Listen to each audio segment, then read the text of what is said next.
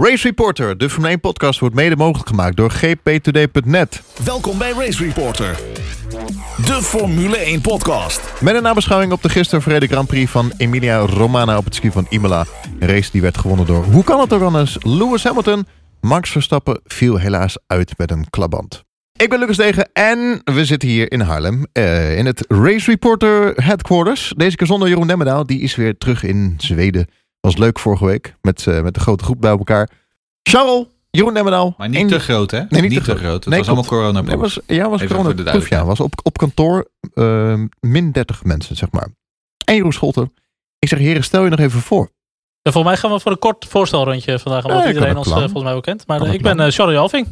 Ja, en meer hoef je ook gewoon niet te zeggen, laten we wel weten. Hè?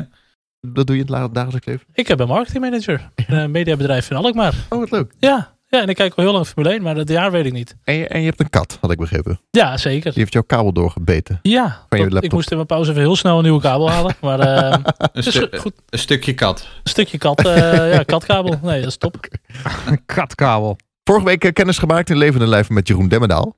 Leuk. Ja, Stel je even voor. nou inderdaad. Ja, eh, nou, ik ben dus Jeroen Demmendaal en ik eh, doe heel veel met podcasten en schrijven en met communicatie. Eh, en inmiddels zit ik inderdaad gewoon weer in Zweden, van waar ik inbel. Ehm en eh, het is nu net zo leuk als vorige week, maar net ietsjes minder misschien.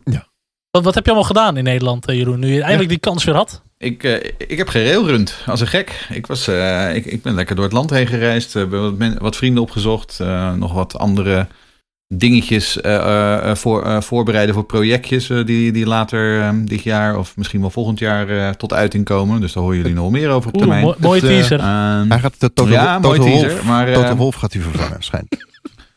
nou, ik heb inderdaad wel met eh, Toto Wolf even een kopje koffie gedaan. Ja, even voor de zekerheid. Ja.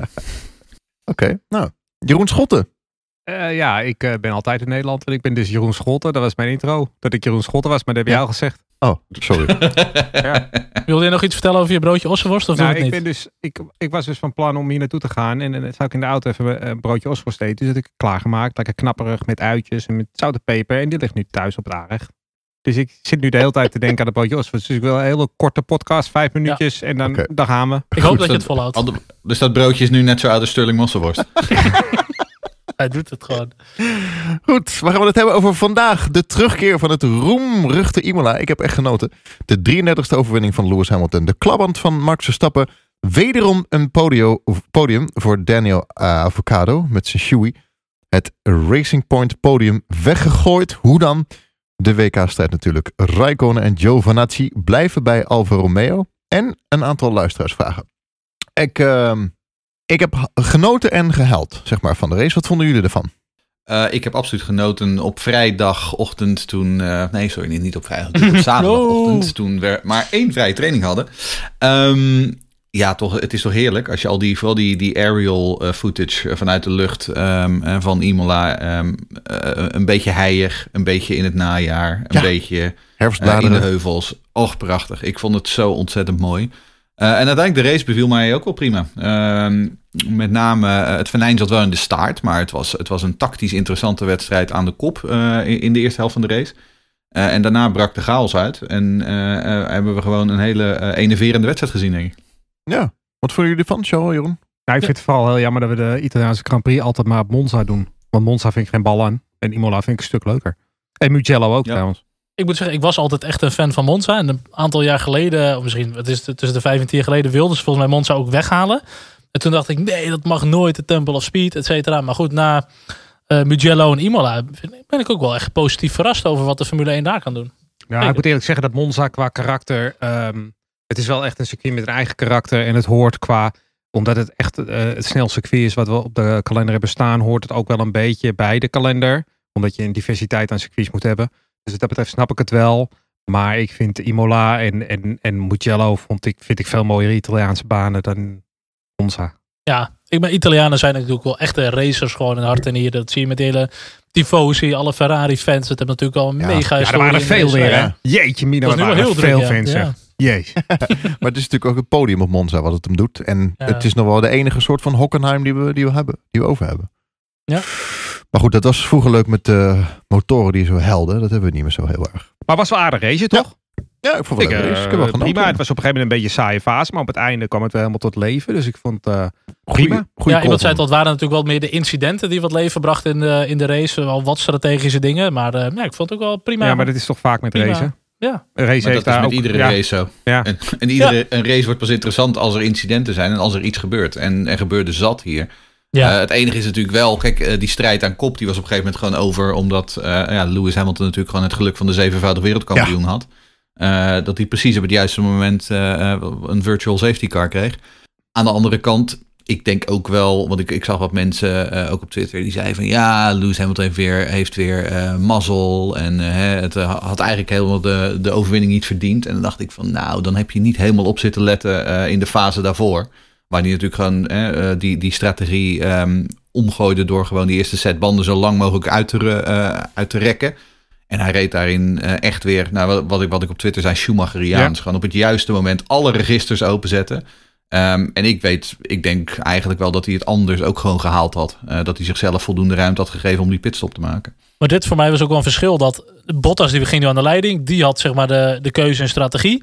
En je ziet gewoon, Bottas Ja. gaat naar binnen. En het team, de engineer en Hamilton, die gaan voor een andere strategie. En dat pakt ook nog eens goed uit. En dat zag je volgens mij vorige week op Portimao. Dat eh, toen reed Lewis vooraan, die pitten. Toen kon Bottas wat anders doen. En die deden gewoon niks anders. En dan volg je gewoon uiteindelijk.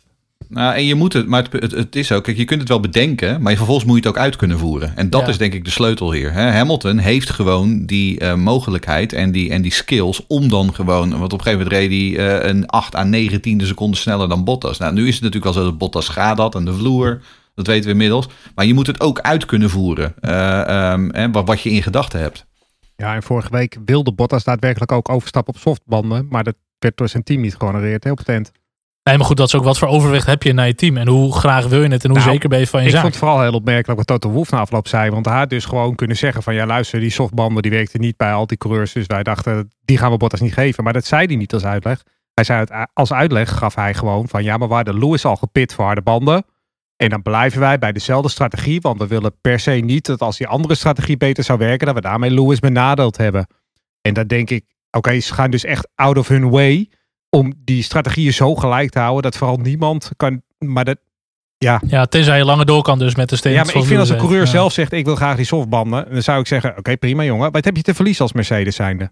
Vond ik een beetje jammer. Nou ja, ik, we- nou ja, dit is weer dezelfde discussie als we ooit natuurlijk met, met Schumacher hadden en Barrichello bij Ferrari. Ja, uiteindelijk wil je gewoon die wereldtitel zo snel mogelijk eh, binnenhalen. En Valtteri Bottas ga je die wereldtitel niet geven. Lewis Hamilton wel, dat heeft hij namelijk al vijf keer gedaan.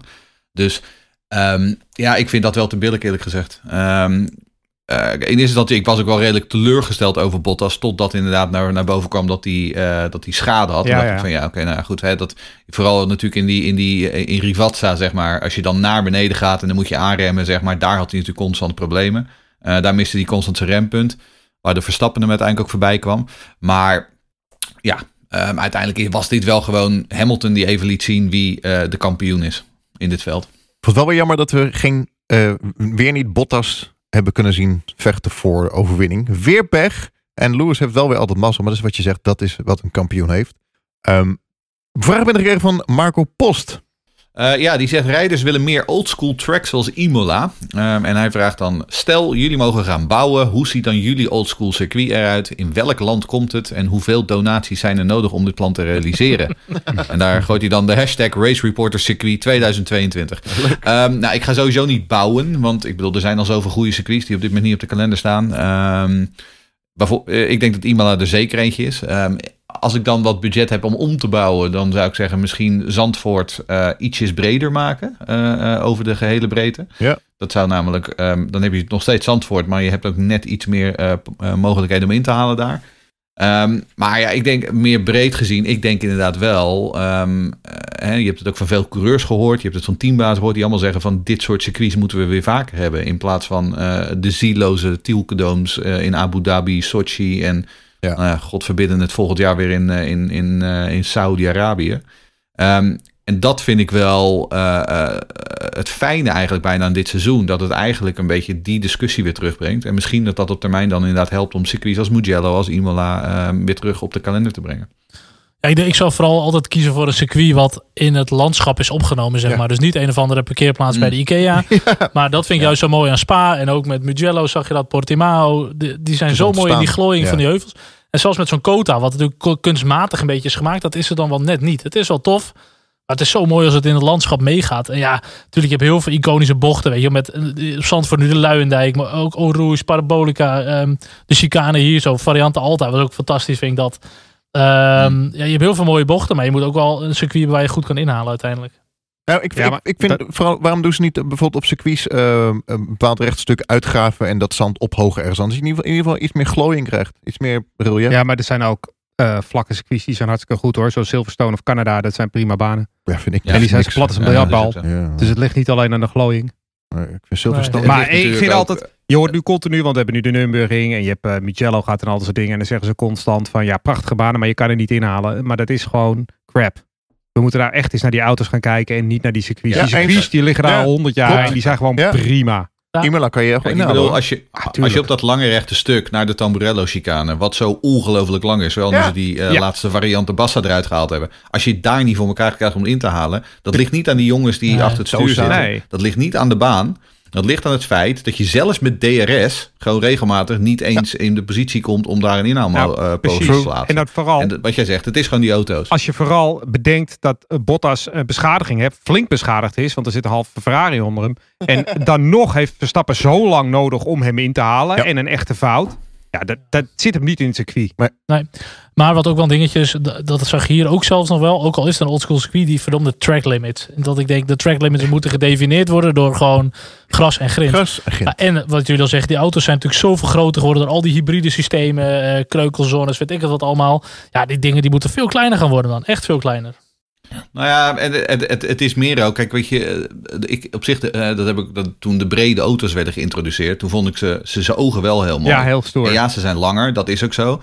Um, maar het grootste probleem is natuurlijk, en, en, en dit, dit wordt ook, laten we ook positief blijven, dit wordt ook uh, geadresseerd in de nieuwe reglementen. Het grootste probleem is natuurlijk de manier waarop die downforce gegenereerd worden, ja. waardoor het zo moeilijk is om dicht achter je voorstander te rijden. En dat is iets wat hopelijk vanaf 22 ja, wel gewoon uh, een stuk beter moet worden, omdat je dan veel dichter en veel meer uh, op, de achter, op je voorganger kan zitten, omdat je veel minder downforce verlies hebt.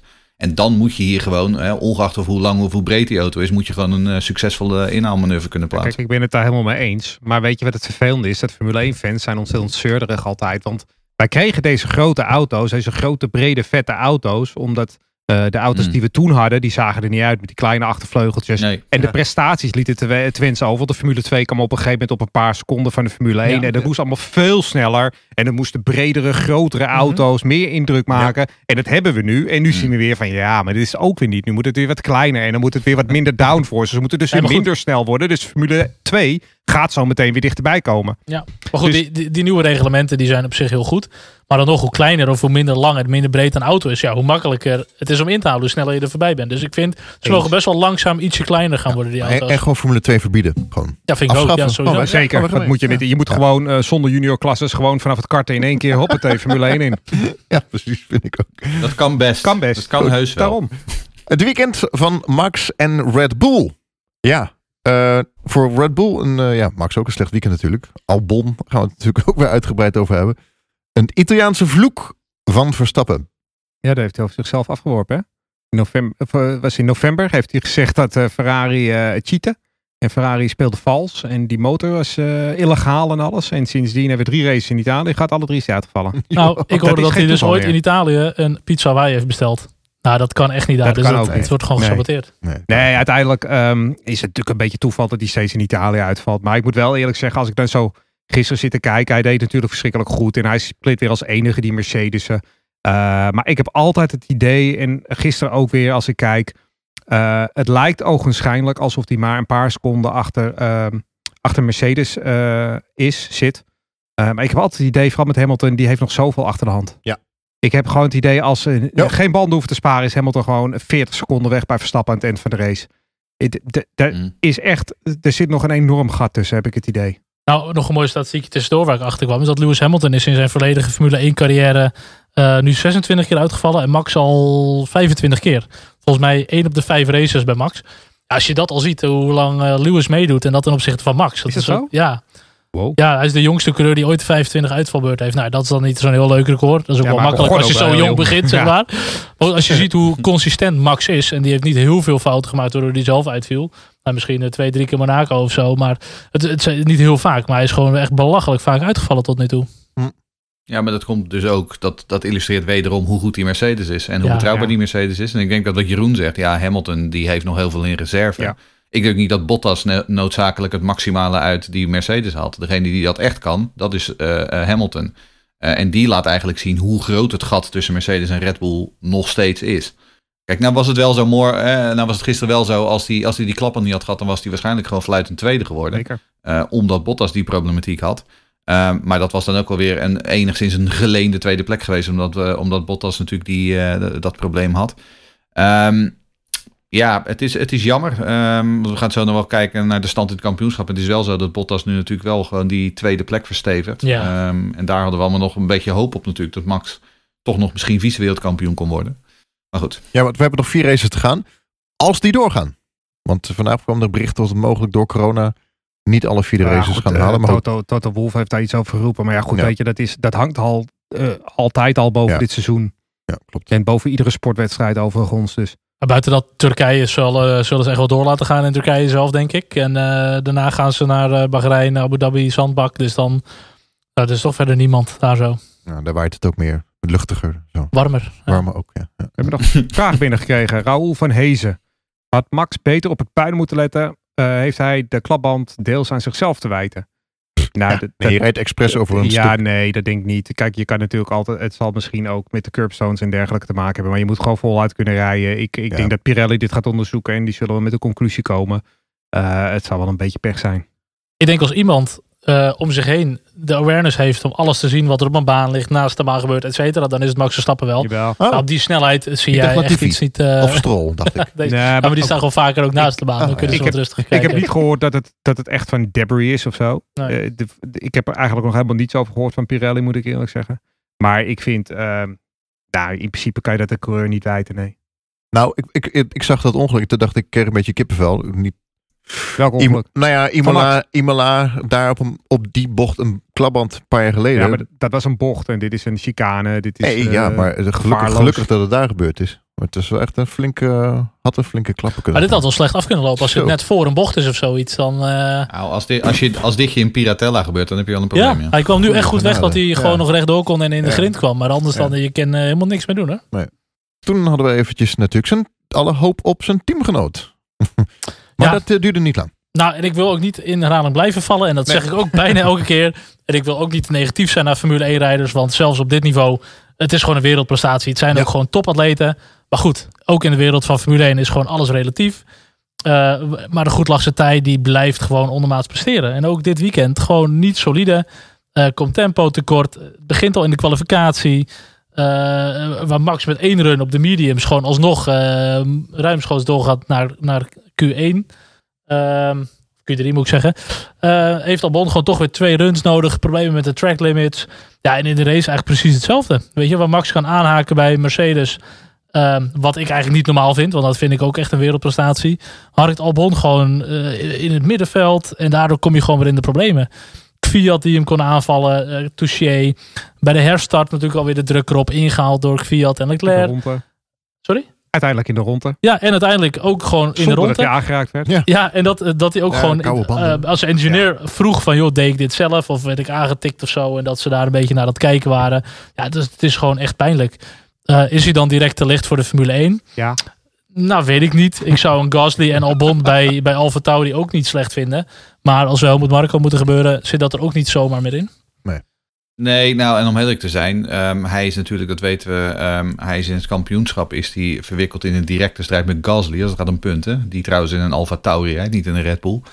Ehm, en Gasly was hem dit eh, hele weekend gewoon de lakens en de neus aan het wassen.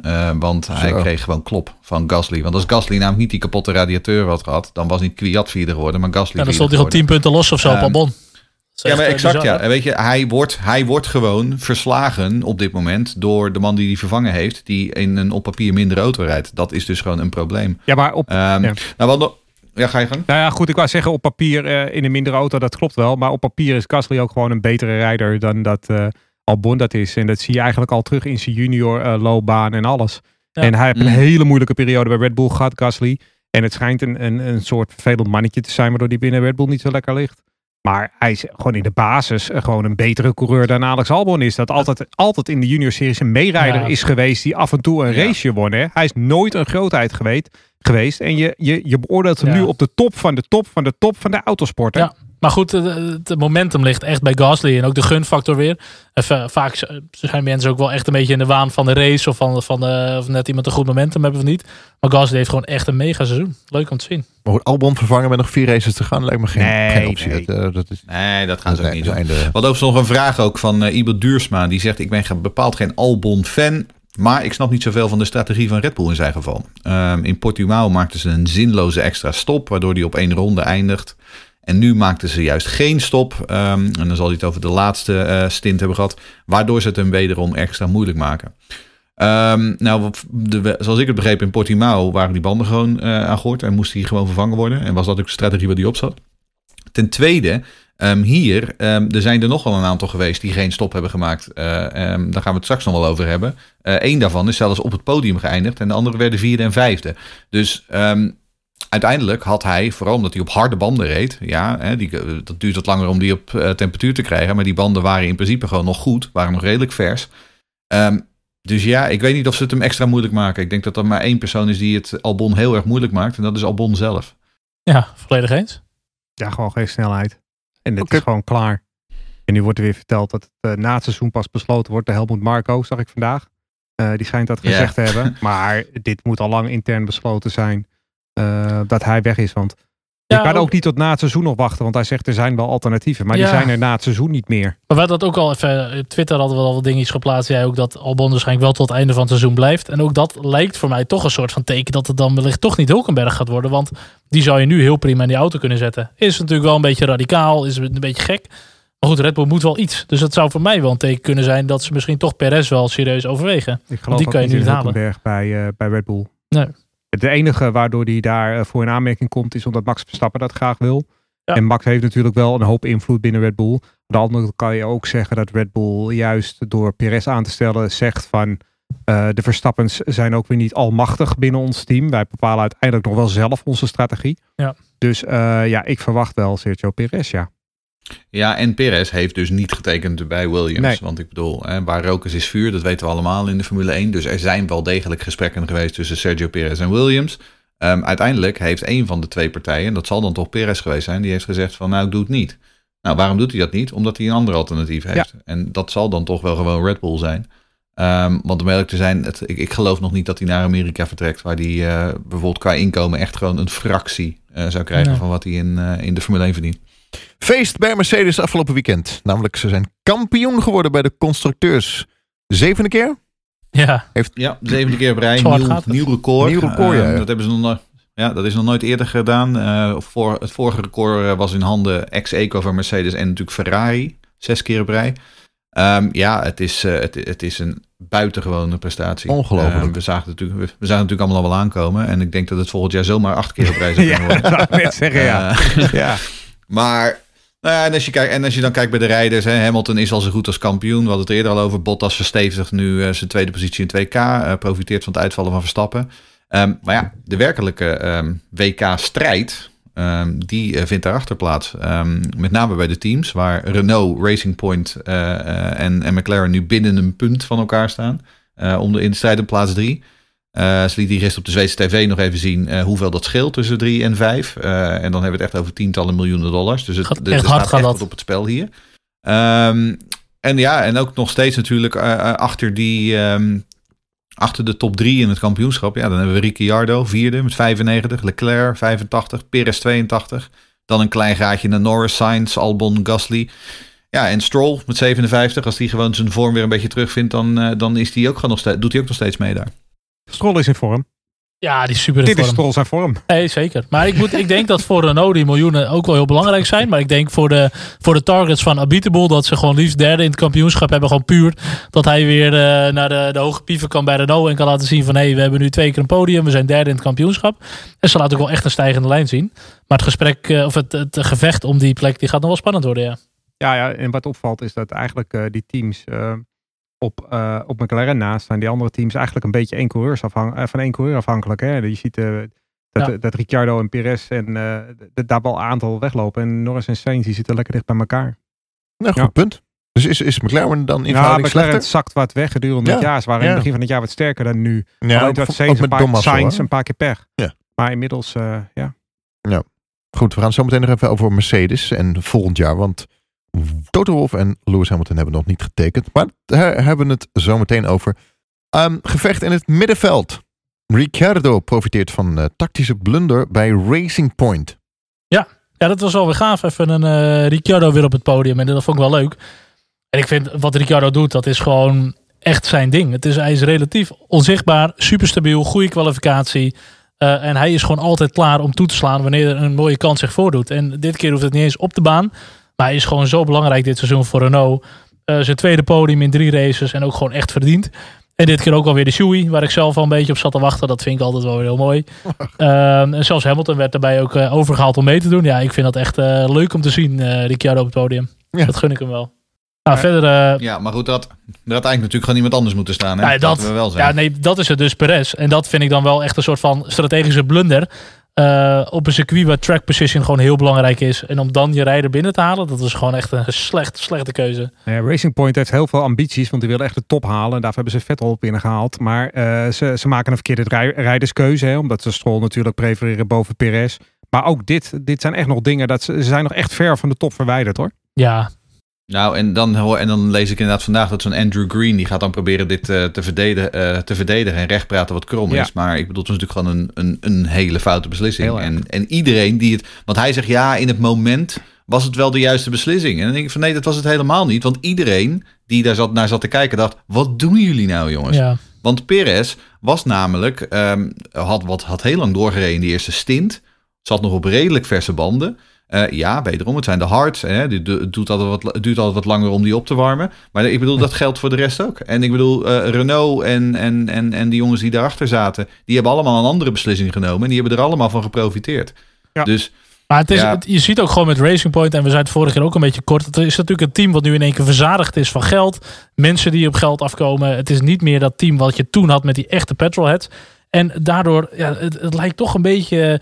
Ja, je, je werkt dan voor zo'n rijke luiszoon. Eh, ook de updates moeten naar zijn auto toe. Ik denk dat helpt allemaal niet mee eh, voor de lange termijn, denk ik.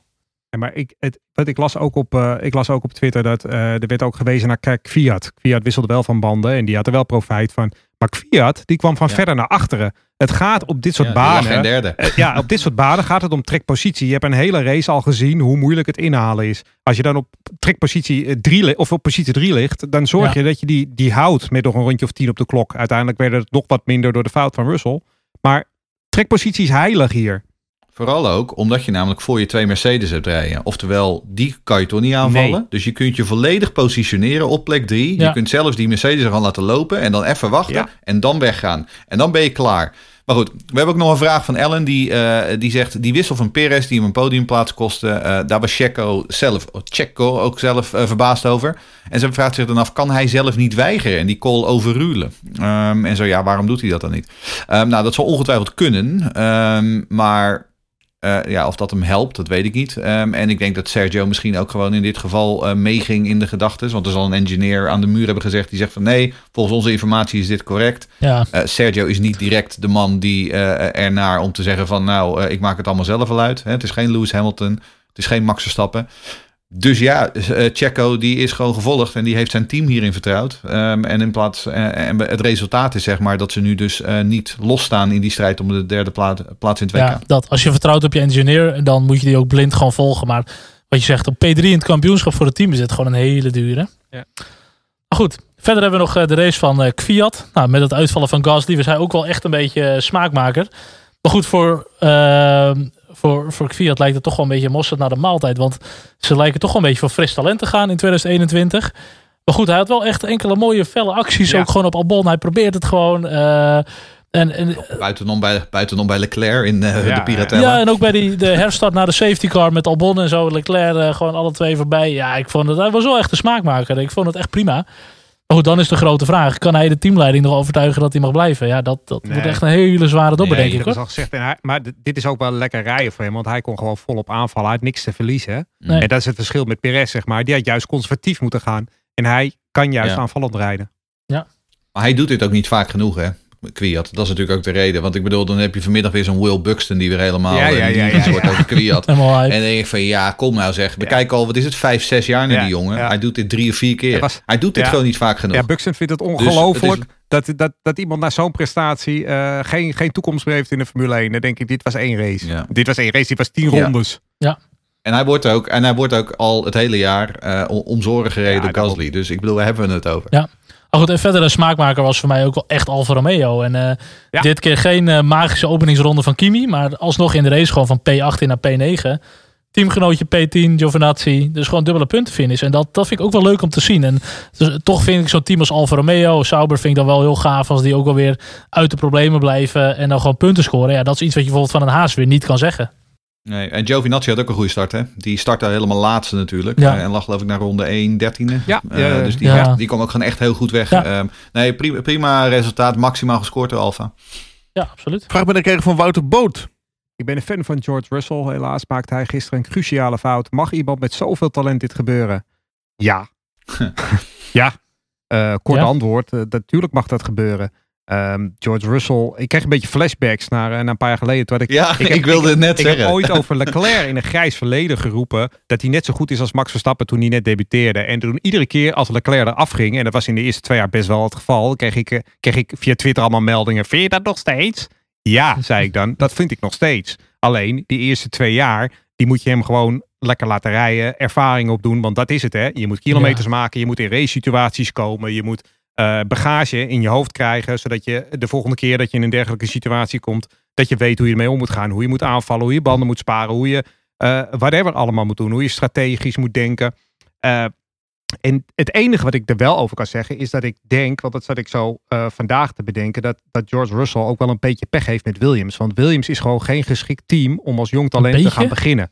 Ja. Alfa Tauri, nou het gaat niet om punten halen, maar het gaat meer, kijk Alfa Tauri bijvoorbeeld is ideaal. Dat rijdt in de middenmoot. Die hebben altijd mensen achter zich, die hebben altijd mensen Ja. voor zich. Je zit altijd eh, midden in de wedstrijd. Je zit altijd achter je te kijken, je kijkt altijd voor je. Iedere beslissing die je neemt, moet je dus ook managen dat je de mensen achter je houdt en voor juist eh, naar voren probeert te komen. Bij Williams rij je eigenlijk, ja, en nu chargeer ik een beetje, maar je begint als negentiende en je eindigt als negentiende. Ja. Dat is geen ervaring opdoen. Je rijdt alleen maar rondjes. Dat kan je bij winter testen, kan je dat ook doen, zeg maar. En ik, ik denk dat zijn ontwikkeling wat stagneert, omdat die Williams te slecht is eigenlijk. Prima analyse, denk ik. Nou ja, en jij zegt, en jij zegt flashbacks. Eh, ik had inderdaad flashbacks naar een hele discussie die we gisteravond op Twitter hadden. eh, waar vooral jij en ik in betrokken waren. Ja, ook. Ja. Ehm, want het punt is wel, kijk, wat Russell natuurlijk doet met die Williams, is constant de limiet opzoeken. Ja. En, en dat is dus ook waarom hij hem af en toe als 13e of 14e kwalificeert. Hij rijdt in een konijnenhok. Het, en dit is echt een konijnenhok keer twee. Als met- de Ferrari een konijnenhok is, dit is, Ja. dit is een konijnenhok keer, keer, keer twee.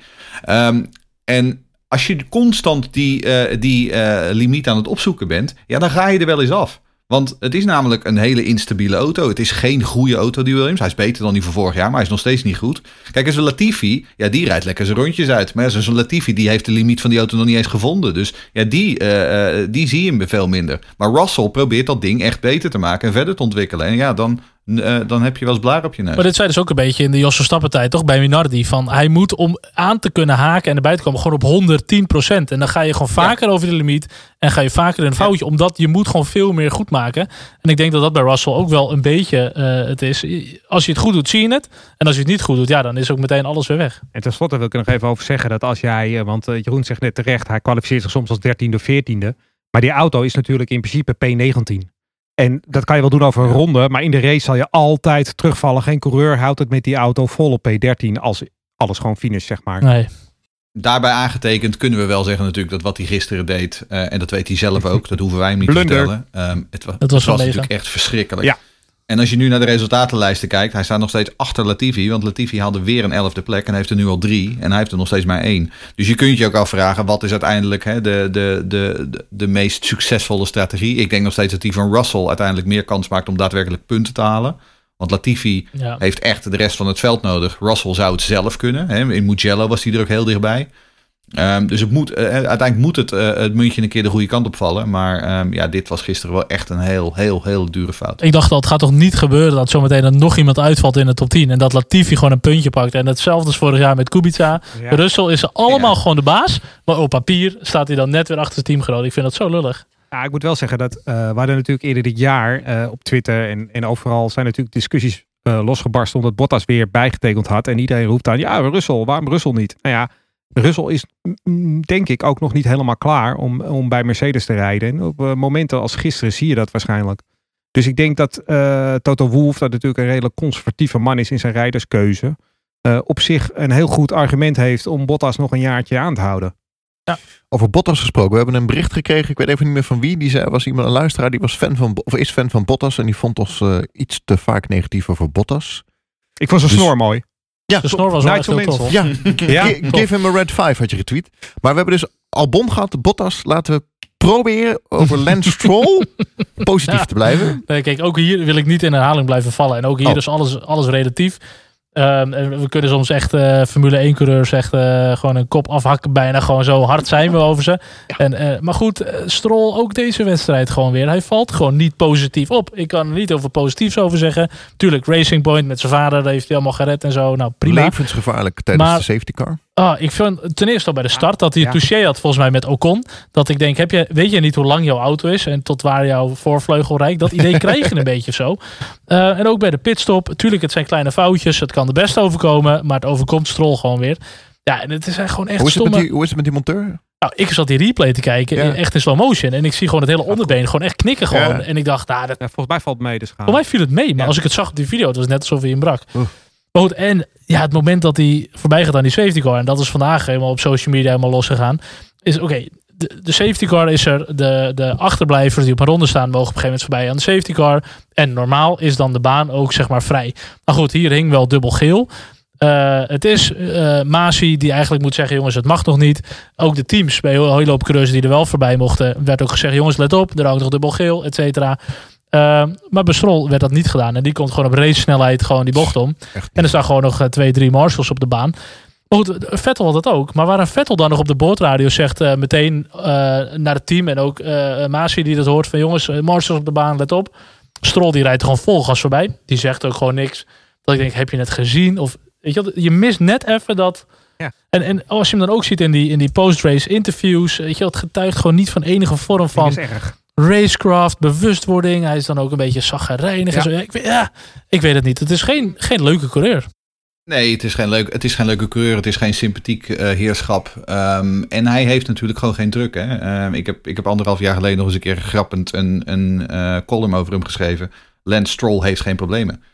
hij is een soort. Hij, hij, hij, hij, hoeft zich helemaal nergens over te maken. want kerstspecial? zolang, eh, Eh, nee, dat was geen kerstspecial. Maar ik bedoel, Lance Stroll kan gewoon rustig achterover hangen en kan eigenlijk, hoeft helemaal geen 100% te leveren. Die staat niet onder druk, Nee. zoals bijvoorbeeld een Albon of een, of een Kwiat of een Gasly. Hè, die hoeft zich niet te bewijzen, want ja, papi eh, zorgt er toch wel voor dat hij achter het stuur zit. Ehm, dus ja, en, en dat zei ik gisteravond ook al. ehm, eh, eh, ehm, het, het team van papa Stroll bedelt erom om niet serieus genomen te worden. Ehm, en ik doe daar heel graag aan mee. dus ja, als ik staartjes voorbij zie komen dat in de laatste vijf races eh, Lance Stroll 0 punten heeft gehaald en Sergio Perez 48. Oh, dan ga ik die naar hartelust. En Hulkenberg heeft nog meer punten. En Ja. Hulkenberg heeft nog meer punten, inderdaad. Dus ehm, ik weet niet wat je met die jongen moet. Eh, maar hij heeft af en toe heeft hij ze gewoon niet op een rijtje. Dat hele Nee. Marshall-verhaal. Ik bedoel, weet je, dan kun je zeggen van... ja, had hij niet beter gecoacht moeten worden vanaf de muur? Ja, misschien wel. Of misschien kan hij gewoon zelf een keer zijn hersens gebruiken. Ja. Ehm, maar het zit er gewoon niet in. Nee, nou goed, dat is een mooie vraag ook van Unraced F1, onze grote vriend, ook eh, op Twitter. Mooie gast met alle historische Formule 1 dingen die hij altijd deelt. Dus dat is nog een mooi volgtipje. Ehm, hij vraagt, mogen we naar de Grand Prix van San Marino, uiteraard San Marino, de conclusie stellen dat Stroll een te geheide coureur is voor de Formule 1? Ja, ik vind het toch ja en nee. Kijk, ook hier is alles relatief. Ehm, ik, eh, je- met Jeroen Scholt hebben we ook al eens een beetje discussie gehad. Hij heeft natuurlijk de beste auto gehad op weg naar de Formule 1. Goed, jij zei volgens mij, hij heeft wel wat kampioenschappen Prima. gehaald. Ja, ja. Ah, ik geen Ehm, slechte junior kijk, staat van dienst. Nee. Hij, nee, dus hij heeft heus wel talent. Hij komt op het hoogste niveau. Komt hij wel mee. Maar ze missen gewoon net dat beetje extra. En ik, onder normale omstandigheden zou hij de, F, eh, of de Formule 1 nooit hebben gehaald. Maar goed, goede voorbereiding. Veel geld. Goed kunnen testen. Volgens mij had hij net als Mazepin ook een hoop privé-testen gehad op allemaal circuits. Ja. Ehm, en hij heeft nu ook nog een goede auto. Ja, hij komt mee. Maar hij mist Hij- wel net dat stuk extra in die. heeft volgens mij heb uh, GP3 gewonnen, maar voor mij ook Formule 4 ooit is gewonnen ergens. Dus Ja, hij is, ongetwijfeld. hij is, maar heeft- ook hij heeft, hij heeft allemaal, Formule 3. Hij heeft Formule 3 gewonnen. allemaal in prema's in ieder geval. Eh, maar goed, Ja, eh, ik, Formule ik, 3 in Prema. En ik- hier gaan weer de, de langdurige verhalen. Dat, eh, dat zijn papa heeft, eh Ja, eh, ervoor heeft ja, ja. gezorgd dat hij altijd het beste materiaal kreeg en dat soort dingen. En- dus en de vraag Ja. is altijd, is hij Formule 1 waardig? Ik denk het op zich wel, maar dan hoort hij wel in een Williams te rijden. En hij rijdt nu in de vierde, vijfde auto van Ja. het veld. En, da- en daar is hij niet... Hij heeft ook eh, wel wat, wat goede momenten gehad. Mooie races, podium, et cetera. Dus Ja. het is ook niet dat je dan slecht bent. Maar goed, alles is relatief in de Formule 1. Want wat is Maar het is ook al zijn vierde jaar. Hè? Dus Ja. de man is inmiddels niet meer. Die kunnen we niet meer zoals Russell net eh, beoordelen als een, als een tweedejaars. Dit is echt een, een vierdejaars coureur. Heeft eh, genoeg ervaring. Ja. En gaat dan proberen vorige week in Portugal buitenlangs uh, hobbel de bobbel Ja. Lennon Norris in te halen. En, en ja, dan, ja, goed, dan zo- krijg je wel eens in een podcast wat kritiek. Ja. Ja. En bij zo'n Max Verstappen, daar zie je gewoon, die jongens hebben overcapaciteit. Nou, dat heeft Stroll niet. Maar Hij Ah, ja. wel ondercapaciteit. nee. Zijn vader heeft heel veel overcapaciteit, overcapaciteit volgens mij. Eh, nog een vraagje binnengekregen van Rio. Ja, Rio die zat zich gisteren af te vragen, ehm, en hij noemde het dan een klassiek kip of ei verhaal. ehm, of papa Stroll wel in de Formule 1 gestapt was zonder racende zoon. En zo niet, hoe zou ehm, Stroll Grand Prix er nu dan voor staan? Ehm, nou, kijk, we weten dat Sergio Perez ook een grote rol, rol heeft gespeeld in het eh, eh, redden van dat team. Maar uiteraard hebben de Strolls ook een hele grote rol gespeeld daar. Ik bedoel, dat moeten we gewoon eh, overeind staan. Dat, dat, moet, dat moeten we eh, absoluut accepteren. Aan de andere kant, als de Strolls er niet ingesprongen waren, misschien was er wel een andere eh, grote weldoener ingesprongen. Kijk, wat het vooral illustreert is het, en daar hebben we hadden het voor mij vorige week Ja, ook al ja. over, het probleem van de kleinere teams in de Formule 1, die gewoon steeds meer moeite hebben om ehm, eh, het hoofd boven water te houden. Ehm, want als het geen Stroll is, dan is het wel een Mazepin. En als het geen Mazepin is, dan is het wel een Latifi. Eh, en als het geen Latifi is, dan is het wel een, een Amerikaanse investeerdersmaatschappij. En dat is eh, eh, het grotere probleem hier. Ehm, en daardoor krijgen we dus al die rijke luiszoontjes eh, die er eigenlijk net niet helemaal goed genoeg zijn. Maar daar, daardoor wel in de Formule 1 eindigen. En Maaspien is toch wat slechter hè, dan Stroll. Laten we, die heeft helemaal niks gewonnen. In de junior behoorlijk, series. ja. Die kan er echt Ja. helemaal niks van. Latifi ook hoor. Die zegt Latifi verschrikkelijk. ook. Ja, Latifi ook. En Zeker. Stroll doet het toch wel, wel goed, papa Stroll, dat hij dan ook Aston Martin koopt. En hij kopieert de Mercedes. Niet, hij doet het natuurlijk niet zelf, maar hij zit daar wel achter. Om die jongens gewoon te pushen van bedenk andere oplossingen. We gaan het slimmer doen. We gaan het eh, budget technisch gewoon slim doen. Hij is zo ver gekomen met zijn zoon zo in de Formule 1. Ja, en op zich hebben ze heel veel potentie als team. Hè? Want ze hebben dat geld natuurlijk van hem. En, eh, en ze maken ook stappen op de grid. Alleen ja, je zit altijd aan het zoontje vast. Maar je wilde er toch niet aan denken dat je zo meteen een keer terug gaat naar 18 auto's op de grid. Of, of, of 16 of Nou zo. ja, 16 is, ik eh, vond juist die tijd dat je 22, 24 auto's had. Vond ik Ah, wel, eh, 40. wel tof. Ik wil de twee 100 kwalificeren op vrijdagmorgen Ja. om, eh, dat- om half zeven of De, zo. die de Was ik nog met 107, Lego aan het eh, spelen volgens mij. de 107 procent. Niet te veel over vroeger praten jongens. Oh ja, Oh ja, sorry. Race Reporter, de Formule 1 podcast. Dan gaan we het hebben over de toekomst. Silly season. Wat speelt daar allemaal? Een hoop. eh, een hoop. Ja, een hoop. hoop eh, natuurlijk, eh, Toto Wolff en Lewis Hamilton nog niet getekend. Vinden we allemaal heel apart. Hebben we vorige week ook besproken. Eh Alfa Romeo verlengt met Kimi en Gio. Ja, hoort eigenlijk niet meer in silly season thuis. Want het is niet meer speculatief. Het is helemaal waar. En ehm, Zo silly toch, is het eh, ook niet op zich. Nou, er was, er was natuurlijk heel lang sprake van dat Mick, eh, Mick Schumacher erbij zou komen. En het is uiteindelijk toch eh, Giovinazzi geworden. Daar was op Twitter ook veel commentaar op. En Giovinazzi zou het ook allemaal niet, eh, niet aankunnen. Maar ja, hij, hij is in, in kwalificaties tot voor dit weekend was het gewoon 6-6 met Kimmy. Eh, hij heeft, eh, had nog een puntje meer. Inmiddels staan ze gelijk op de punten. Ook, ook gisteren heeft hij weer keurig een puntje gepakt. Giovinazzi is een jongen die, eh, die gaat ondanks zijn, zijn, zijn, zijn mooie paardenstaart een beetje op in de omgeving. Hè. Hij heeft niet echt heel veel uit. En, en hij, Ja. het is ook niet een jongen waarvan ik echt hij heel veel toekomst op. zie in de Formule 1. Ik maar zie hem nooit. ik, ik, hij verdient die contractverlenging gewoon wel. wel- Als Kimi hem verdient, Ja. dan verdient, dan verdient Giovinazzi hem ook En gewoon. Italiaans bij Alfa Romeo. Ja, het is ja, allemaal, maar- eh, Ja, maar noem nou eens een mooie actie van hem. Noem nou eens iets. Nou, bijgetekend, dat is een hele mooie ja, actie. maar ja, het is de meest... Nou, in de, eer- in de eerste ronde van de Grand Prix van San Marino maakte die zeven plaatsen goed. Ehm, bijvoorbeeld. was een goede het, eerste het, ronde. het punt Ja. is wel, Kimi en Gio zitten wel heel dicht bij elkaar. Hè? Dus ik bedoel, je kunt je ook af gaan vragen of er gewoon niet meer in dat ding, in, in dat ding zit. Ehm, En dan is het inderdaad de enige taak die hij heeft, is inderdaad eh, Kimi in het spoor blijven. Ja. Want dat is namelijk toch gewoon de voormalige wereldkampioen. En dat doet Prima. hij gewoon. Ehm, kijk, wat ik, wat ik meer interessant vind is inderdaad, het, het, het werd toch in eerste instantie wel heel erg, eh, werd er heel erg op gezinspeeld dat het toch wel gewoon Mick Schumacher zou worden. En die duikt nu opeens bij Haas op. Nou, en als je dan daar weer een beetje verder in gaat duiken, dan blijkt toch dat Eh, er waren verhalen dat Haas misschien eh, eh, overwoog om weg te gaan bij Ferrari als klant. Ja. Zowel voor de motoren als voor de onderdelen. En misschien met Renault in zee Ja. zou gaan. En dat Mick Schumacher een soort van wisselgeld van Ferrari is. Van nou weet je wat, jullie krijgen deze commercieel en, en, en PR zeer interessante naam in jullie auto voor een jaar. En in ruil daarvoor willen we graag dat jullie bij ons bijtekenen. Ehm, nou ja, misschien dat dat zo is geweest. Dus dat eh, Schumacher uiteindelijk van Alfa naar Haas gestuurd is als een soort van bargaining chip. Ehm, maar ook, eh, ook hier weer, dan, dan kijken we dus weer naar die commerciële eh, kant van het verhaal. En eh, de financiële huishouding bij de kleinere teams. Red Bull, we hebben het net al een beetje over gehad. Interessanter is Alfa Tauri, denk ik. Daar heeft Helmut Marko over gezegd dat de tweede rijder, nou de eerste rijder is bevestigd, hè, Gasly. De tweede rijder wordt een jonge coureur. Dus geen Fiat meer. En ook als Albon klaar is, is hij helemaal klaar in de Formule 1 blijkbaar. Want, eh, nou ja, dat, die, die, die jonge coureur, die komt uit Japan, die heet Yuki Tsunoda. Daar is denk ik geen enkele twijfel over. Ik denk Eh, ook wel tenminste, dat... zijn eh, licentiepunten, ja, daar staat hij volgens mij wel goed voor, dacht ik, uit mijn hoofd. Hij moet, hij, moet nu wel, hij moet nu wel blijven waar hij staat, Ja. zeg maar. Want als die derde, maar als die derde wordt, dan krijgt hij gewoon de volle 40 punten. Ja. Dus, Dus daar is het wachten op, qua bevestiging, denk ik. En ik dan denk ook met, klaar. met Red Bull, die eigenlijk wel een beetje openlijk heeft gezegd dat ze toch graag dat motorenprogramma van Honda willen overnemen voor 2022. Dat toch die band met Dat Honda nu goed ja. houden, dat het helemaal niet zo verkeerd is. Ja, Als ze nog wat korting krijgen, whatever. Ehm, het zou geen... Nou, exact, ja. Je zal er nog wel korting mee krijgen ja, misschien. dan gooi je een korting een bonus, huppatee, let's go. Ja, Het, het kan. Ik vind- zou het geen ramp vinden om, te, om eh Yuki erin te hebben. dan. Yuki. Yuki. Maar ja, wat is ook, maar wat is ook de toegevoegde waarde om nu Albon weer in die, in die Alfa Tauri te zetten? Ik bedoel, als je vanuit precies. Red Bulls perspectief ernaar kijkt. Ik bedoel, je hebt, al, je hebt eh, Albon nu anderhalf jaar in die, in die Red Bull gehad. En het, het gaat het echt never nooit niet worden. Hij is gewoon te licht. Dus ja, dan kun je hem wel weer terugschuiven. Maar wat jij zegt, hè, Gasly kun je nog wat terugzetten. Omdat daar was het vooral een mentaal verhaal. Maar die heeft inderdaad in de lagere klasse bewezen dat hij eh, eh, toch gewoon wel heel snel kan zijn als alles goed zit tussen zijn kop. Eh, bij Albon was dat altijd al een vraagteken. Hamilton heeft iets gezegd over zijn toekomst dat hij nog niet weet waar hij is volgend jaar. Ja, maar dat, dat- daar hecht ik echt nul waarde aan. Kijk, internet slaat op hol. En hij, hij zegt gewoon zoals het is, weet je. Er werd hem gevraagd naar de toekomst van Toto Wolff. eh, wat hij gaat doen bij Mercedes. En dat wordt misschien wel een andere rol. Daar, daar speelt eh Wolff al een tijdje op. En toen zei Hamilton, joh, ik weet niet wat er met Toto Wolff gaat gebeuren. Ik weet, niet eens, ik weet niet eens of ik volgend jaar wel op de grid sta. Ja, dat klopt. Want hij heeft geen contract. Maar eh, als je gewoon simpelweg kijkt. Hamilton kan nergens anders heen. Hij kan alleen stoppen. En dat gaat hij niet doen met zeven wereldtitels. Want er staat een auto klaar voor volgend jaar. Die is goed genoeg voor wereldtitel nummer 8. Dan is hij alleen heerser in, de- in de Formule 1.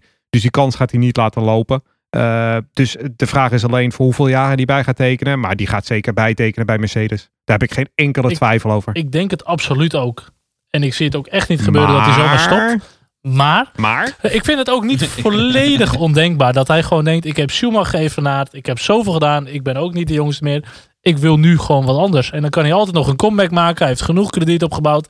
Ik zeg nogmaals, ik zie het niet gebeuren, maar ik vind het niet 100% ondenkbaar.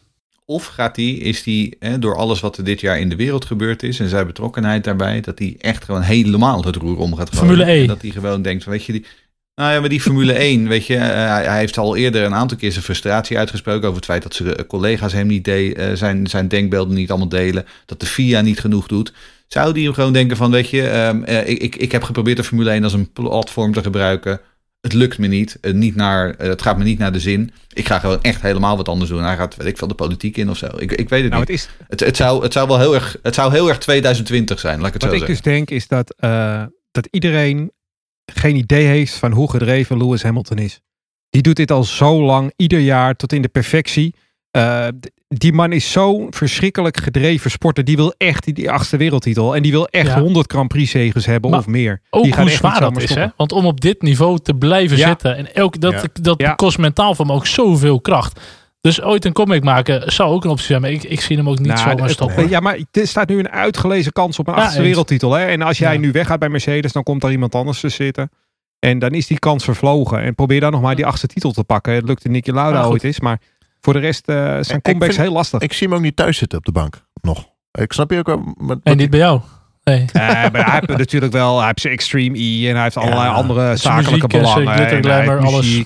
Die gaat zich niet vervelen. Maar ik denk gewoon, Nee, dat hij is ook echt een sportman. En Ja, hij is dat gedreven tot op het wat. En hij is pas 35. Hè? In januari wordt hij pas Nee, maar 36. ik bedoel, Het is nog niet zo heel Die oud. verslaving aan die adre- adrenaline kick en de verslaving van het winnen. Eh, verslaving aan die, aan die Ja. rode lichten die één voor één uitgaan. Dat is echt, eh, dat is echt een ding. Eén één voor één gaan Zoals wij aan, hebben dat al en wij zitten ineens in zijn auto. Eh, eh, ja, ja, nou goed, dat is ook wel zo, ja. November 2020. En eh, we hebben nog vier races te gaan. Maar we gaan kijken ook al naar de kalender van volgend jaar. Saoedi-Arabië maakt zijn entree. Ja, we krijgen eh, volgens de TamTam een stratencircuit in Jeddah. Ehm, een grote miljoenenstad in Saudi-Arabië. Ehm, wat natuurlijk geen heel groot eh, eh, verrassing is. Vooral niet sinds de deal met Aramco. Aramco ook eigendom van de Saudische staat. Dus ja, op een gegeven moment ga je dan over de koffie wel een keertje praten van... moeten we ook niet eens een Grand Prix daar? Eh, ander belangrijk is natuurlijk is eh, Zandvoort. Eh, wat zeer waarschijnlijk, of nou ja, zeer waarschijnlijk, ehm, eh, zeer wel naar de herfst verplaatst zou kunnen worden. Ehm, en dan in een, zeg maar, een soort van eh, eh, drie-header samen met Monza en België. Ehm, ja, dat zijn natuurlijk ook wel van die dingen waarvan je denkt, ehm, hoe vroeger we dat weten, hoe beter het zou zijn. Want eh, vooral hier in Nederland zijn er toch een heleboel mensen die gewoon op, op kaartjes zitten en die graag hun, eh, hun planning eh, rond willen krijgen. Maar waren de hotels, de hotels waren alweer uitverkocht volgens mij. Maar ook daar gaat natuurlijk al een discussie over, ook met COVID-19. Van ja, wanneer is de grootste kans dat je in Zandvoort volle tribunes mag hebben? Is dat, is dat in het voorjaar weer? Dat weet je, begin mei of zo? Dat je toch een beetje uit de winter komt, dat dan de hele COVID een beetje onder controle is? Of is het juist direct aan het einde van de zomer? Ja, ik denk toch het eh, einde van de zomer. Dat zag je dit seizoen ook. Sowieso hebben virussen Eh, het moeilijk. maar goed, de zomer. Zand- Zandvoort is er veel aan gelegen om natuurlijk iedereen die een kaartje heeft, om ook die gewoon op, eh, op, de, op de tribune te kunnen zetten en op het circuit te krijgen. Ehm, Ja, tuurlijk. dus dat wordt nog wel even, even afwachten. Maar voor de rest was ik een beetje, word ik toch een beetje verdrietig van die kalender. Want je ziet weer al die oude vaste dingen. Er zitten wel hele mooie banen tussen hoor. Maar ik, je bent toch, dit jaar was toch wel, heeft toch wel heel speciaal geworden. Door al die leuke circuits die je tussendoor zag. Dan hoorde ik wel dat er wel weer wat voorstellen zijn om toch één of twee races te gaan roleren. Hè. Bij, bij McLaren wil Ja. een paar jongens dat. En ik heb het ook vanuit de FOM wel eens gehoord. Eh, ik hoop echt dat, eh dat circuits zoals eh, Portimao of Mugello, maar ook GRS of Estoril of dat, dat soort circuits, dat die af en toe nog eens hè, eenmalig. Ik vind het wel heel leuk, die eenmalige circuits. En dan niet voor al te veel geld, want daar ging natuurlijk ook mis bij heel veel circuits. Dat Liberty, et cetera, die vroeg natuurlijk zoveel geld qua hosting fee. Dat is gewoon niet meer te doen. En dat, ze, dat geluk hebben die circuits dit jaar gehad. Dat ze natuurlijk bij zo'n voor Nop konden ze gewoon een race organiseren. Nou ja, en dat is het. En dat is natuurlijk het grootste probleem wat in de weg staat van banen als Portimao, eh, als banen van Imola. Kijk, nu hebben we natuurlijk inderdaad voor het organiseren heb je dat de regionale eh, overheid bijspringt. Ehm, en dan Emilia Roma- Romana kan dan roepen van kijk eens, we hebben ook een mooi uitgangsbord voor onze regio. Maar volgend jaar, ja, dan is het gewoon weer terug naar normaal, hopen we. Ehm, en ja, dan worden het dus inderdaad landen als Saoedi-Arabië... die rustig een hosting fee van eh, tientallen miljoenen dollars neer kunnen leggen. En wat gewoon voor de Portugals van deze wereld onhaalbaar En. Interlagos, op dit hè? Gaan we nou wel of niet Interlagos? Nee, het nee, lijkt er dat echt denk niet ik ook op. niet. Nee, nee, nee. En dan krijgen we een of ander raar circuitje in, eh Oh. in eh eh, Sao Paulo, eh, Rio. Maar dat vind ik dan wel echt heel, heel, heel jammer. Dat er dan inderdaad weer een soort van bos moet worden gekapt. Een hele nieuwe baan. Ja, Eh, dat, vind- dat vind ik wel ook niet. Juist tegenwoordig. En ik ben helemaal niet zo van het groene. Of, natuurlijk, maar we moeten allemaal gewoon milieubewuster zijn. En Ja, dat meer vind ik van wel. het rode, toch? Sorry? We hebben meer van het rode, hè? Ja, ja, zeker. Nee, nee, maar kijk, we moeten gewoon veel bewuster omgaan met het, met het milieu. En eh, ja, om dan een heel nieuw circuit daar neer te gaan leggen. Ja, ik vind het echt wel zonde eigenlijk. Nou, het, het grootste probleem is natuurlijk was dat? Interlagos Ja, best wel een redelijk klassieke... Dat Interlagos gewoon een klassieke baan Ja. is. Eh, dat is het natuurlijk vooral, hè, waar we gewoon goede races gezien hebben. ehm, waar ook gewoon eh, niet heel veel as asfaltstroken in liggen. Ehm, en ja, zo'n nieuwe baan in eh, Rio, dat zal Ja. wel weer een soort van uh, Tielkedroom-achtig eh, Ja, verschrikkelijk zeker. ding worden. Is het probleem ook niet van eh, eh, Interlagos dat het ook een beetje in een achterwijk van Sao Paulo ligt? Eh, toch wel een beetje, of ik weet niet of het echt Ja, ja, sloppenwijk ja, is, maar ja, het zit echt op een gegeven moment midden in die stad helemaal. Ja, Ja. en dat is natuurlijk dan ook wel hele Ja. waardevolle, dure grond om te bouwen en zo. Ja, lastig. Ja, dat was vroeger met Rio ook zo, hè? Ja. De oude, oude baan van Ja, Rio, Parag, Josiah Paraguay, die lag ook, Chacarapagua, ja. Ja. Ja, dat is helaas helemaal weggehaald, dus daar kan je niet meer racen. Nee. Goed, we hebben nog een vraag van Stef. Eh Toto Wolff riep na afloop dat er meer van dit soort banen moeten komen in plaats van de supermarkt parkeerplaatsen. Zijn er nieuwe, eh, nieuwe oude circuits nodig of zijn er ook gedrochten die opgeknapt kunnen worden? Kan een Paul Ricard of Abu Dhabi met grind en gras bijvoorbeeld op steun van jullie rekenen? Ja, Oh ja, dat zou ik inderdaad Ja. een stuk vetter vinden. Nou, Abu Dhabi Heuvel. wordt nooit wat.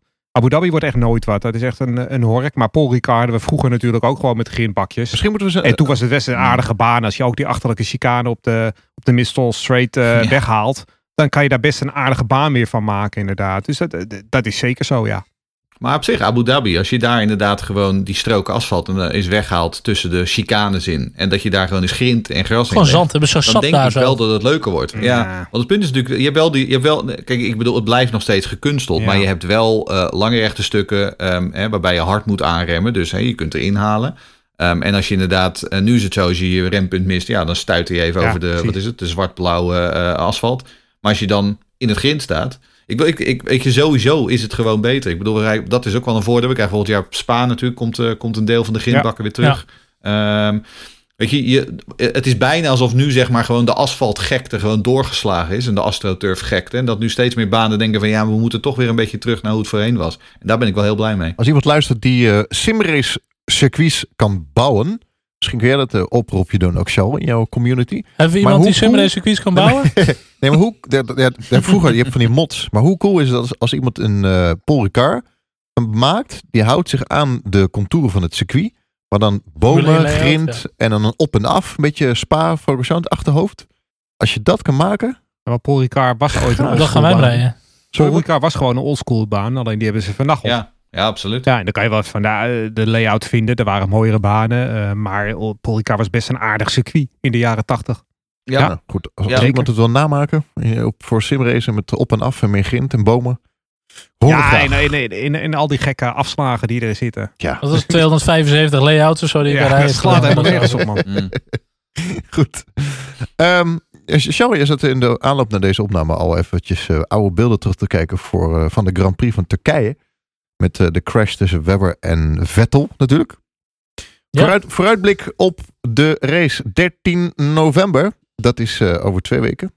En de kwalificatie 1 uur in de middag. Race om 11 over, eh, 10 over 11 in de ochtend. Is dat zo? Is zo Ja, ja, Ja. zeker. een beetje Een de tijd. Oh, tijd. Ja. Wat, eh, wat zijn de verwachtingen van jullie? Wat verwachten jullie van de, deze race? Ja, ik vind qua baan, het zit op zich wel een redelijke flow in. Ook een heel klein beetje hoogteverschil, maar niet zoveel. Ja, we hebben natuurlijk die hele bekende driedubbele doordraaier. Eh, het, is, het is een geen verkeerd circuit, maar ook niet dat ik zeg van dit is eh, het circuit waar we het kunnen gaan verwachten. Nou, dat dus. Want er Ja. is altijd een hele hype om dat Turkse circuit. Maar ik vind er helemaal geen bal aan. Ik vind ik, ik- inderdaad die, die bochtencombinatie 7. 7 is dat volgens mij 7, 8, 9 of zo. Zoiets, ja. Maar Ja. dat is gewoon nu een rechtstuk hoor met deze auto's. Daar rijden ze gewoon vol Ja. gas doorheen. Alleen met een miljoen eh, G-kracht op hun nek.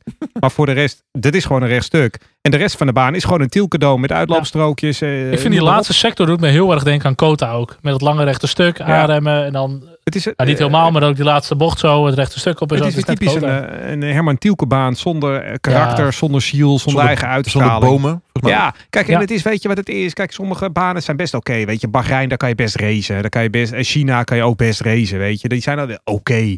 Maar dat, als je dat vergelijkt met, met Imola, waar we net zijn geweest. Weet je, dat, dat, dat het is gewoon alsof gewoon. je ja, van een Led Ja. Zeppelin optreden naar André Hazes junior gaat zitten kijken. Weet je, er zit zo'n veel. Het is, het is een hele andere categorie. In mijn ogen. Ja, eens. Goed, we hebben hier Formule 1 gehad van 2005 tot en met 2011. Eh, onder andere Kimi heeft hier een keer gewonnen. Lewis heeft hier gewonnen. Vettel eh, met de Red Bull. We hebben wel wat mooie gevechten gehad. Schumacher Alonso. eh, Lewis met Button. In de McLaren's. wat Lucas al zegt. eh, Webber met Vettel. Red Bull 1-2. eh, die jongens in de, in de clinch. I'm Ehm, going home. Het Formule 1 debuut van Vettel hebben we hier ook nog gehad. Dus Oh. het is wel memorabel circuit voor die paar jaar die ze het hebben De gehost. debuut van Vettel, was dat hier? Ik zit ook te denken. Ik dacht Die dat, dat- ik BMW. dacht dat dat op Indianapolis Ja, in was. de- nou, ik denk, ik ook. Ja, ik denk dan officiële vrije training, in denk ik, of zo. Ah, eh. oké. Oh, dat zou kunnen in een vrije training. Dat zou kunnen een keer. Ja, dat zou Want ik weet dat hij toen een race reed in die BMW. En daar toen finishte hij volgens mij zelfs in de punten. Ja. Maar dat was Ja, in dat was Indianapolis, zeker, goed, ja. Ja. Nou ja, goed. Oké. Maar goed, verder, ja, wat kunnen we van verwachten? Ik denk gewoon een Mercedes 1-2'tje. Dus misschien moeten we even door naar de voorspellingen zo. Oké. Eh, Charles, wat voorspel jij? Ja, ik ga dan dit keer toch een beetje afwijken. Dan ga ik wel voor de winst van Bottas. Eh Hamilton 2, Verstappen 3. En eh, Vettel mag bij mij nog steeds gewoon eh, P10. Eh, ja, ik verwacht niet zo heel veel van deze race, om heel eerlijk te zijn. Ik heb gewoon eigenlijk gewoon geen verwachtingen. Geen goede, geen slechte. Ehm, ik ga het gewoon weer proberen. Verstappen gaat winnen. Eh, Hamilton wordt 2. Bottas wordt 3. En Ocon moet een keer tiende worden. Eh, Hamilton wordt de eerste. Eh, Verstappen tweede, Bottas derde en Sebastian Vettel wordt tiende. Ik heb niets meer te verliezen, dus Daniel Ricciardo gaat winnen. Tweede wordt Carlos Sainz. Sainz. Sainz.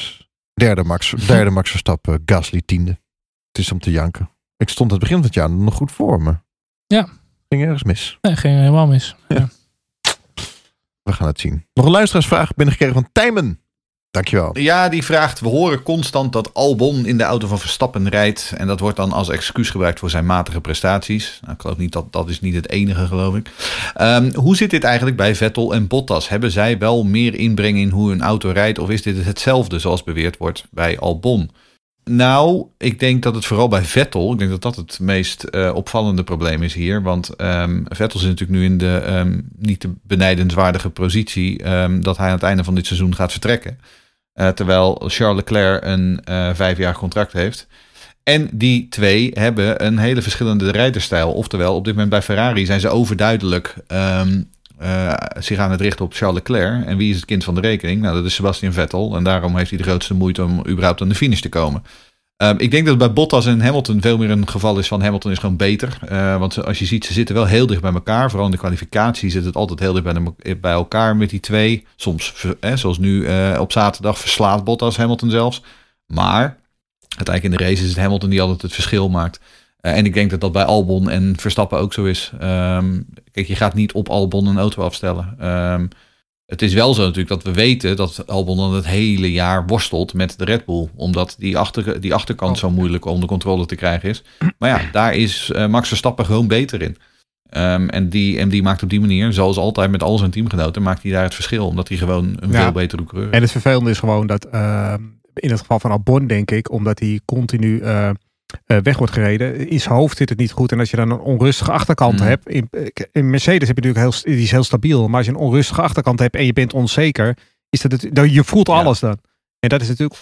Nou, je hoort ook op vrijdag regelmatig dat hij op de vrijdagen vooral, dat hij dan heel ja. erg in conclave is met zijn engineer. Dus ze proberen hem wel echt te helpen. Ze proberen hem wel echt uh, die auto beter voor hem te krijgen. Maar hij krijgt het gewoon net niet voor elkaar. Maar bij Ferrari is het veel meer zo. Daar, daar, Vettel, dat geloven ze wel. Um, ik, ik, denk dat Vettel het zelf ook wel gelooft. Ja. die rijdt gewoon het seizoen nog even die uit. Uh, die zit met zijn hoofd al bij, uh, bij Aston Martin. die pitstop dat rechter voorwiel. Ja. Ik, ik, zit echt steeds te denken, is, doen ze het ja, expres dat of zo? Dat, dat is een beetje jammer. Wat een ellende. Nee, natuurlijk doen ze dat niet expres. Nee. Waarom zou je punten je moet, Ja, dus ze gaven wel die wheelgun. Aan, de, aan die dronken baviaan gaven ze die wheelgun. nou, dat moet je dat ook niet nou, over, Ik hoorde ook de suggesties dat die, dat die late stop van Perez nog expres was. Omdat ze hè, niet het gat met strol te... Ja, ja. Te, ja. te groot te laten worden. Maar dat gaat echt helemaal nergens meer over. Ik, nee. ik je krijgt gewoon zoveel geld als Perez dat podium pakt. En ja, ze ja, ja, eindigen daardoor wat hoger in het constructeurs-WK. Dus dan gaan ze echt niet... Uh, nee. No way. Goed. Vraag binnengekregen van Rob de Voogd. Ja, de vraag wat vinden jullie nou van pitstops tijdens een virtual safety car? De virtual safety car is om de race, race te neutraliseren. Maar Hamilton krijgt de zegen. De zaak is onterecht, want lag feitelijk P3 in zijn schoot geworpen. En niet voor het eerst. Moet de VIA de pitstraat gewoon niet gaan, of niet gewoon gaan dichtgooien tijdens de virtual safety car. Ja, ik zou dat op zich niet zo'n heel erg slecht idee vinden. En dan kijk ik met een schuin oog naar Jeroen Demmendaal. Want dat doen ze in de IndyCar ook. Zodra er volgens mij een, uh, een, een caution is of iets, dan gaat de pitstraat gewoon dicht. Ik zou het niet slecht vinden. Want sowieso in de Formule 1 ze hoeven we niet bij te tanken. Dus het gaat puur altijd om banden. Nou, op zich achter een safety car moet je wel gewoon kunnen doorrijden. Ook al is je band slecht. Ik vind het niet een gek idee. Maar, um, maar niet voor het ja. eerst. Heeft hij wel eens eerder gewonnen op deze manier dan? Ik nou, hij zal vast wel een keer geholpen zijn door de virtual safety car. Dat was, maar goed, dat heeft Max ook wel eens ja, en, ook, en ook hier weer. Ja. En ook weer zeggen dat Hamilton onterecht de zege krijgt. Sorry, dan heb je echt het eerste deel van de wedstrijd gewoon niet zitten kijken. Nee, kijk, dat is gewoon onzin. Kijk, kijk, en uiteindelijk, als je, als je zevenvoudig kampioen bent, dan kun je op een gegeven moment ook gewoon zeggen, hè, je dwingt je eigen geluk af. En ja. um, Sorry. Nee, maar goed, nee, kijk, het blijft wel discutabel van wanneer ga je dan die virtual safety car uh, oproepen. Nou, ik geloof niet dat de VIA precies wacht tot Hamilton komt.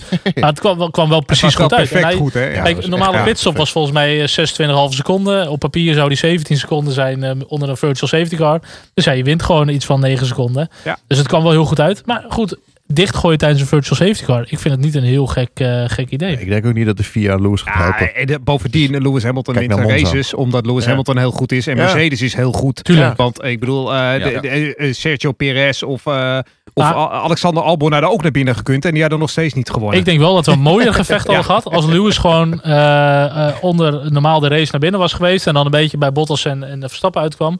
Had misschien wel wat leuker geweest. Maar goed. eh, Ja, zeker. en van dat had vond het en- weg. Ja, Ja, absoluut. En dan had hij nog steeds gewonnen. Zeker, dat, dat zeker. En Max was nog steeds uitgevallen met een klapband. Maar goed, eh, wat vind jij dan, eh. Demmerdal? Vind jij dat hij wel dicht mag, de pitlane? Of vind jij het totaal... eh, Nee, ik, ik, heb- ik, ik vind dit, ik vind dit eh, nee, ik heb hier echt geen enkele moeite mee. Ik bedoel, hè, ja, in IndyCar doen ze het anders, maar hier in Formule 1, dit hebben we altijd al zo gehad. Ehm, we hebben nooit een dichte pitstraat gehad tijdens safety Nee, cars. Ik vind het helemaal Ik vind het ook goed. Het is gewoon een en nogmaals, ik vind ook niet dat Hamilton dus onterecht gewonnen heeft. Want anders had hij hem ook wel gewonnen. Oké, Bon, Albon. Nou. oh bon. Oh, Nog vier races te gaan, jongens. Ja. En dan is dit seizoen voorbij. Ja, drie races en een oval, hè? Roval. Ja, Oh, ja. daar ja, kijk ja. ik- daar Oh, Daar kijk ik wel ja. naar uit. Kijk ik wel naar uit. Over twee weken, twee weken de Grand Prix van Turkije om. Hoe laat, eh, Jeroen Demmendaal? Ik hoor van jou tien over Heel elf. goed. Schijnbaar. Heren, mag ik jullie weer bedanken? Mag, doe maar. Yes. Ja, hoor. Dat mag. Jer- Jeroen schoot toch niet van je broodje? Ja, ja, ik ga nu snel naar huis. Oké, Ja. oké. Nou goed. eh Oh, graag gedaan dan. Charles, ook bedankt. Jeroen Ja. Bedankt. Tot de volgende. Yes. Yo. Tot de volgende. Mooi. Hoi. Race Reporter wordt mede mogelijk gemaakt door gptoday.net. En donaties wil je ook doneren? Help ons de herfst door. En binnenkort de winter natuurlijk. Ga naar f1podcast.nl slash support. Dat is f1podcast.nl slash support.